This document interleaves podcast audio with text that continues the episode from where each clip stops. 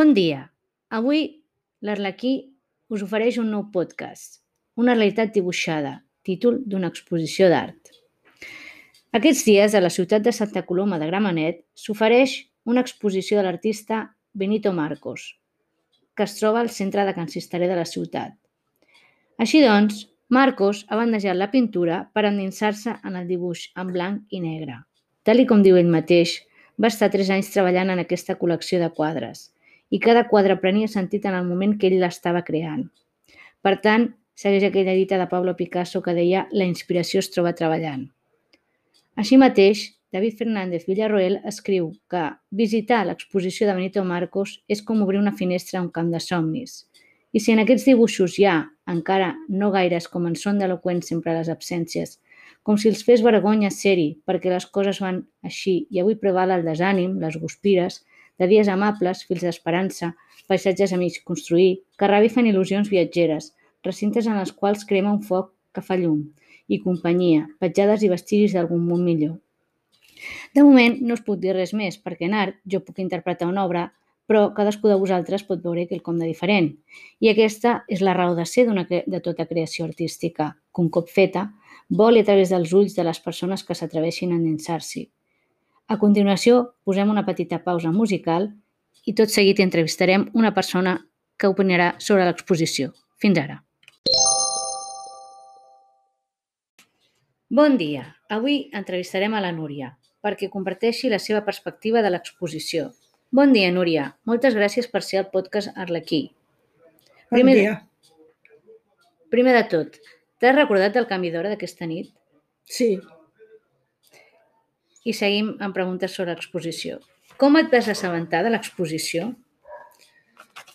perquè vaig mirar el programa de la Festa Major d'Estiu del 2021 i vaig veure que hi havia aquesta exposició. A més a més, el, el carrer Sant Carles és un carrer de molt de pas i passo moltes vegades i ja ho vaig veure anunciat a Can Cisteré.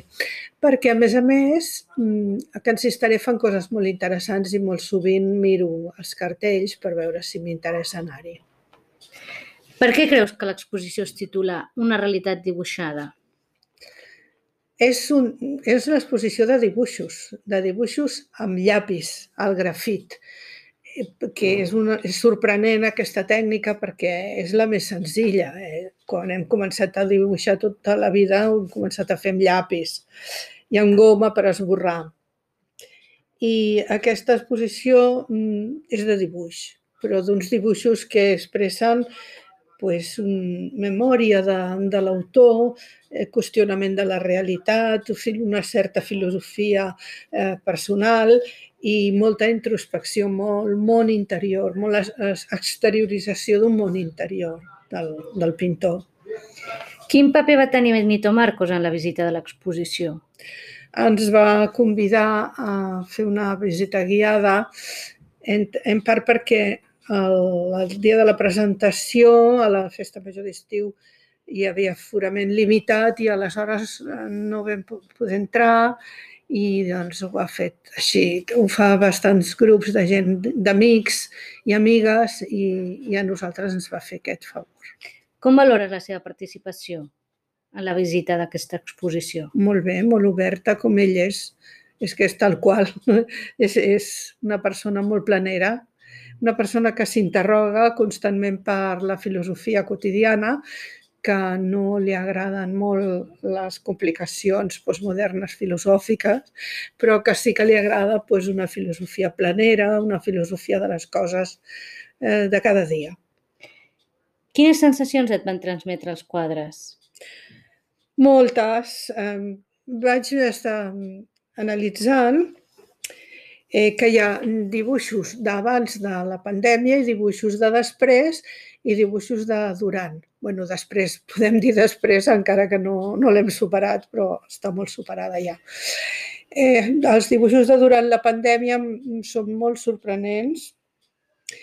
Els títols que ell ha posat en castellà, Senderos del color blanco del martirio, eh, o sigui, viaranys del color blanc del martiri, seria, mm, bueno, és un, té, té forma que podria ser, un, et pot suggerir una barqueta amb uns rems llançats així una mica al riu, o et pot suggerir un taüt. Però, és clar el 2020 els taüts doncs, eren, eren un moment històric també, per desgràcia.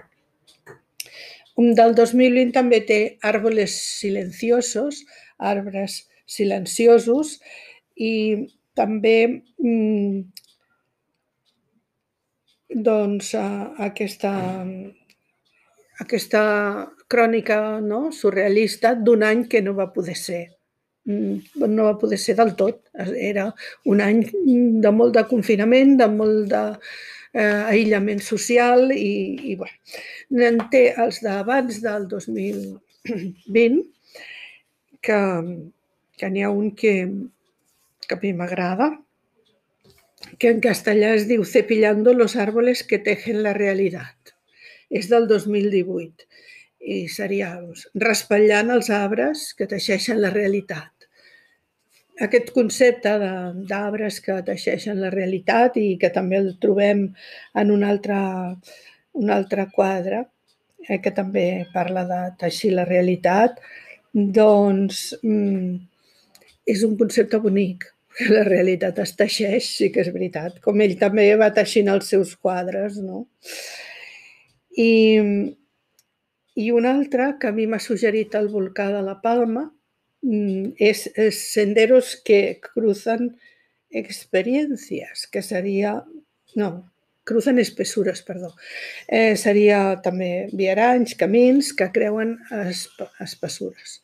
Um, és del 2019 i sí, doncs, aquesta espècie de difuminat que hi ha doncs és aquest difuminat que a mi em recorda el volcà fent destrosses entremig de fums, fumara, fumaroles, eh, piroclastes i tot això, i que també doncs, creuen, creuen l'espessura de, de les plataneres, de, de les vinyes, tot el que queda soterrat sota el volcà.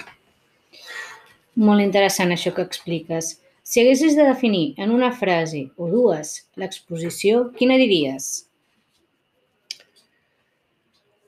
Meravellosa i sorprenent. Uh -huh. Com creus que podem ajudar a difondre aquest tipus d'activitats culturals? Pues el boca a boca, jo crec que és el més important. També són importants doncs, això, els catàlegs, Eh, jo, per exemple, doncs vaig agafar, vas a l'Ajuntament i, i allà a l'entrada doncs, hi ha unes piles de, de prospectes, i hi ha un full informatiu que surt cada setmana i tot això serveix per divulgar. I també les xarxes socials, no? és que jo soc de la generació d'abans de les xarxes, però sí, sí, les xarxes fonamentalment, clar. Eh, recomanaries aquesta exposició? Sí, sí, sí, de fet ja l'he recomanat i bueno, una de les que, que jo vaig recomanar que vingués ho recomanarà a unes altres conegudes i amigues. Per tant, sí, sí, és evident que sí. Doncs agraïm la teva participació, Núria. Us diem bon dia i tornarem aviat amb un nou podcast cultural a l'Arlequí. Adeu mm. i que ho passeu bé.